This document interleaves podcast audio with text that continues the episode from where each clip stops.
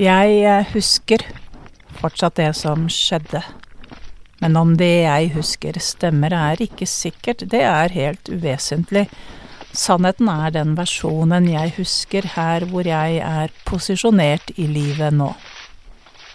Året var 1996. En tidlig vårkveld. Jeg befant meg i et mørkt rom. Jeg satt oppå en plattform, eller en platting. Ansiktet mitt, altså øynene mine, var blendet av noen kraftige lyskastere framfor meg, så jeg skyggende konturene av de som stirret på meg. Jeg var redd. Jeg skulle fremføre en gresk myte jeg hadde bearbeidet for anledningen. Dette var min første offentlige opptreden, og jeg var ikke klar over at jeg nå malte trakterte et historisk verk, diktere hadde fordypet seg gjennom århundret. Alt var galt. Fra mitt første møte med myten til formidlingen. Og nå satt jeg der, fanget av øyeblikket som skulle vare i en evighet, føltes det som. Jeg skalv, jeg ristet, hele mitt sjelsliv ga utslag på en seismograf, og mens jeg hakket, skrapet og brutalt prøvde å tvinge myten ut av meg, fikk jeg plutselig øye på en hånd i høyre øyekrok. Jeg skvatt, midt i den allerede korrupte formidlingen, jeg snudde hodet mot høyre for å se hva som skjedde, da så jeg at min at det var min egen høyre hånd som hadde begynt å leve sitt eget liv, som om den prøvde i det minste å redde seg selv ut av situasjonen. Det å fortelle er å skape sammenhenger. Av hendelser, personer, bilder, ord. Fortellingen forholder seg til det kompliserte, vakre og grusomme livet. Filosofen Marta Nussbaum hevder at vi må dyrke vår evne til innlevelse for å forstå de handlinger som skjer rundt oss. Vår evne til å forstå er helt vesentlig for samfunnsdeltakelse. Denne treningen på innlevelse skjer gjennom litteratur, og i mitt tilfelle fortellingen.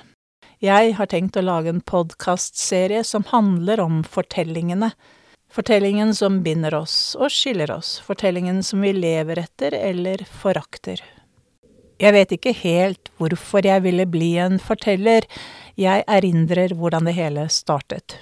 Jeg studerte. Jeg studerte drama og teater. Jeg skulle velge et nytt studieemne, TIU, som det kalles forkortet, eller Teater i undervisning, før dette hadde jeg studert teatervitenskap, litteraturvitenskap, dramapedagogikk, dramaturgi, og så skulle jeg velge TIU. Brått forsto jeg at TIU var ikke noe for meg.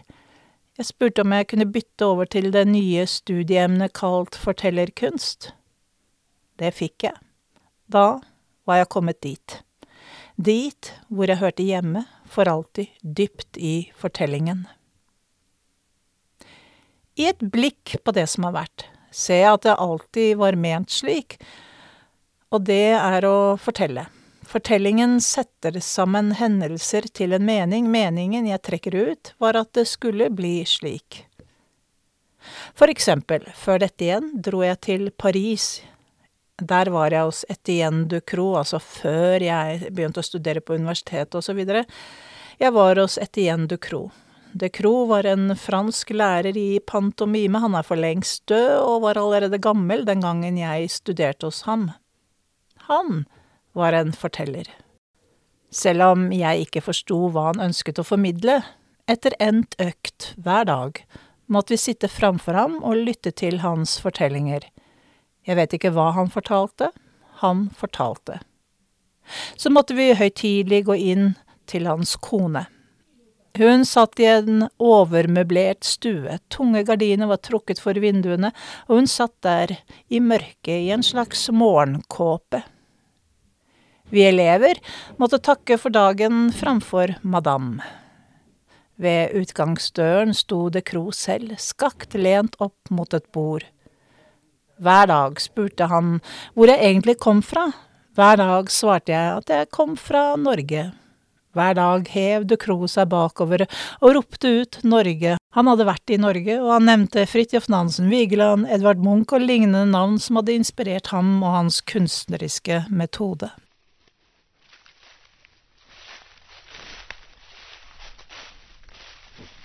Ifølge litteraturteoretikeren Roland Barth er en fortelling bestående av en rekke koder som blir løst i et møte mellom en fortelling og i mitt tilfelle en lytter. Fortellingen bærer med seg kulturelle veivisere som kan fremme eller hindre, normere eller la meg kalle det avlaste kulturell arv, fellesskap, tilhørighet og ikke minst utenforskap. Min eh, første fortelleropptreden, som jeg har nevnt over, besto av en gresk myte som jeg overhodet ikke var rustet til å fortelle. Jeg kunne ingenting om de kodene som skulle til for at fortellingen skulle treffe en annen. Likevel må det ha vært en grunn til at jeg valgte den fortellingen. Var det fordi det handlet om en ung kvinne som aldri fikk leve ut sitt liv? Jeg tror at det alltid er en bakenforliggende grunn til at vi forteller de fortellingene vi omgir oss med. Jeg forteller deg myten. Nå. Den er satt sammen av flere kilder men er nok sterkt preget av mitt møte med forfatteren Ovids metamorfoser. Det levde en nymfe som het Dafne. Hun var datter av flodens gud, hun var som alle andre nymfer vakker, hun løp rundt i skog og fjell, badet i kilder og bodde i trær. Hennes far var elveguden, og han elsket Dafne overalt. Dafne var likevel ikke som andre nymfer, for hun skydde menn. Mange var de som kom for å fri til henne, og hun avviste dem alle, hun vemmet seg ved tanken på å bli gift. Når menn kom, flyktet hun dypere inn i skogen, der gjemte hun seg og så på frierne som kom på leting etter henne, i den dypeste skog levde hun i ensom fryd. Hennes far var bekymret. Når Dafne besøkte ham ved floden, hvor han hadde sitt hjem, så han på henne med triste øyne, og stadig kom spørsmålene om hun ikke snart ville gi ham noen barnebarn. Ettersom tiden gikk, hadde Dafne ikke noe valg. Hun ble eldre, og hun måtte snakke med sin far. Da hun så sin far, fikk hun et rosenrødt skjær i ansiktet. Hun kastet seg i armene hans og lusket ham i det veldige skjegget. Kjære far, gi meg den gave at jeg skal slippe å giftes med menn. Faren, som jo elsket henne, ga etter for datterens bønn. Likevel, han visste at hennes skjønnhet skulle gjøre det vanskelig for ham å holde det løftet. En tid senere, i den dypeste skog, kom det en ung mann. Han var vakker, han hadde utskårne olympiske krøller, han var sterk, han var smidig, han var stolt og hovmodig. Dette var den unge guden Apollon. Apollon hadde nylig kjempet mot kjempeslangen Pyton, vunnet over den og drept den. Dette hadde han skrytt av til alle villige og uvillige, og for å finne nye tilhørere til sin beretning var han nå dratt inn i skogen. Der inne fikk han se en liten, bevinget guttunge. Gutten satt på en stein og lekte med en bue og noen piler. Apollon gikk bort til gutten og sa, Hva gjør du med våpen for menn, du lettferdige unge? Den buen burde jo bæres av meg, som har styrke i armer og bein. Jeg treffer nøyaktig mine mål, både fiender og villdyr. Jeg har akkurat kjempet mot pytonslangen, og jeg vant. Jeg drepte den med en eneste pil. Forhold deg til den kjærlighetsilden som du vekker hos mange. Denne guttungen var jo ikke hvilken som helst gutt. Det var Eros. Og Eros så sint opp på Apollon og ga ham svar. Pass deg, du, for mine piler kan treffe deg selv. Og så slo han ut med vingene og fløy opp på en høy topp. Der satt han og så ned i den dype skogen. Han så den altfor håmodige Apollon som gikk rundt og spente sine muskler. Så fikk han øye på en ung, vakker kvinne springe omkring med flagrende lokker. Eros fikk en idé, en grusom idé. Eros har to typer piler. Den ene pilen har en spiss av gull, den som blir truffet av den pilen, vil bli forelsket i den som viser seg. Pilen som setter hjertet i brann, er skarp, gyllen og sylspiss, den andre pilen får en til alltid å flykte fra kjærligheten. Den pilen er laget av bly, bly sprer frykt og kulde. Eros tok den gylne pilen opp fra Kogre, la den på buen, spente buen og skjøt så pilen boret seg i Apollons hjerte, som straks kom i brann. Så tok Eros den andre pilen, siktet mot Dafne og skjøt pilen så den iset seg fast i brystet hennes. Eros hadde fått sin hevn. Der i skogen fikk Apollon øye på Dafne komme løpende. Han så hennes skjønnhet jo mer han så henne, jo større ble begjæret. Han ville vinne den fagre.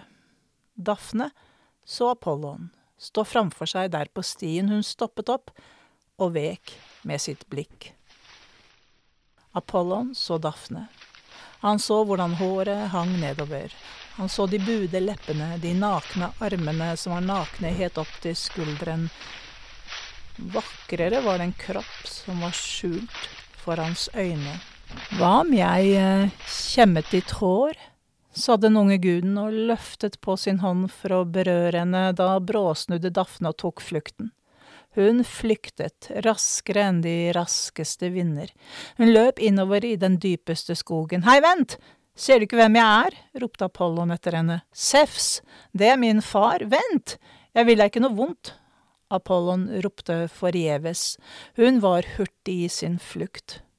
Selv mens hun løp, var hun vakker, for hun løp mot vinden, og vinden kastet seg mot hennes kropp så håret fløt ut, flukt forskjønner den skjønne, den unge guden var lei av å spille bort sin tid, han satte etter henne i full hast, og straks var han nær henne, han lo og lekte med håret hennes, der løp de drevet av håp og frykt.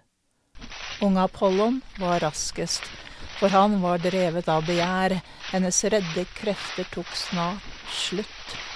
Hun løp mot floden, hvor hennes far har sitt hjem. Da hun nådde kanten, skrek hun ut med sine siste krefter. Hjelp meg, far. Hold det løftet du en gang ga meg, slett ut denne skjønnhet som har lokket så mange og straks hun hadde sagt dette. Og fordi en far ikke kan bryte sitt løfte, ble Dafne forvandlet. Armer, føtter ble stive, bark la seg rundt hennes lender og liv som mistet sin mykhet, hennes armer strakte seg ut som greiner hennes hår, ble forvandlet til løvet på en trekrone. Dafne ble forvandlet til et tre. Den beholdt hennes skjønnhet. Selv i denne form hun nå hadde fått, var hun elsket av Apollon. Med hånden på barken kjente han hennes ennå bankende hjerte. Han omfavnet greiene slik han før ville omfavne Dafne. Som lytter trekker man selv ut betydningen av en fortelling. Jeg var ikke bevisst mine valg den gangen jeg arbeidet med fortellingen. Det er jeg i dag. Derfor kaller jeg denne episoden for Poesiens valkyrjer. En fortelling kan ses på som et dødt materiale, for den blir levendegjort av en forteller i samspill med en lytter. For å levendegjøre fortellingen foretar fortelleren en rekke valg, slik valkyrjer gjør på en krigsmark. Hva skal leve videre i lytterens indre? Kvinner som blir trær er et motiv som finnes i flere fortellinger. Det er både en provokasjon, slik som i denne myten, som et tre blir kvinnen alltid den uskyldsrene. Samtidig knyttes det til bildet av jorden, som blir oppfattet som en kvinne. I norrøn mytologi er jord en kvinne som blir forlatt av guden Odin, og som føder hans sønn Thor. Fortellingen, myten, avsluttes på følgende måte. Dafne var blitt til et laurbærtre, og den unge guden måtte nøye seg med en kvist som han brøt av. bandt en krans med, og som han la på sitt hode. Og du laurbærtre, sa han, dine grener tar jeg til pryd for min lyre, mitt hår og mitt kogger av piler, så lenge mitt hode er ungt og har utskårne lokker, skal ditt løv for evig beholde sin grønne skjønnhet. Slik talte guden, og slik ble det.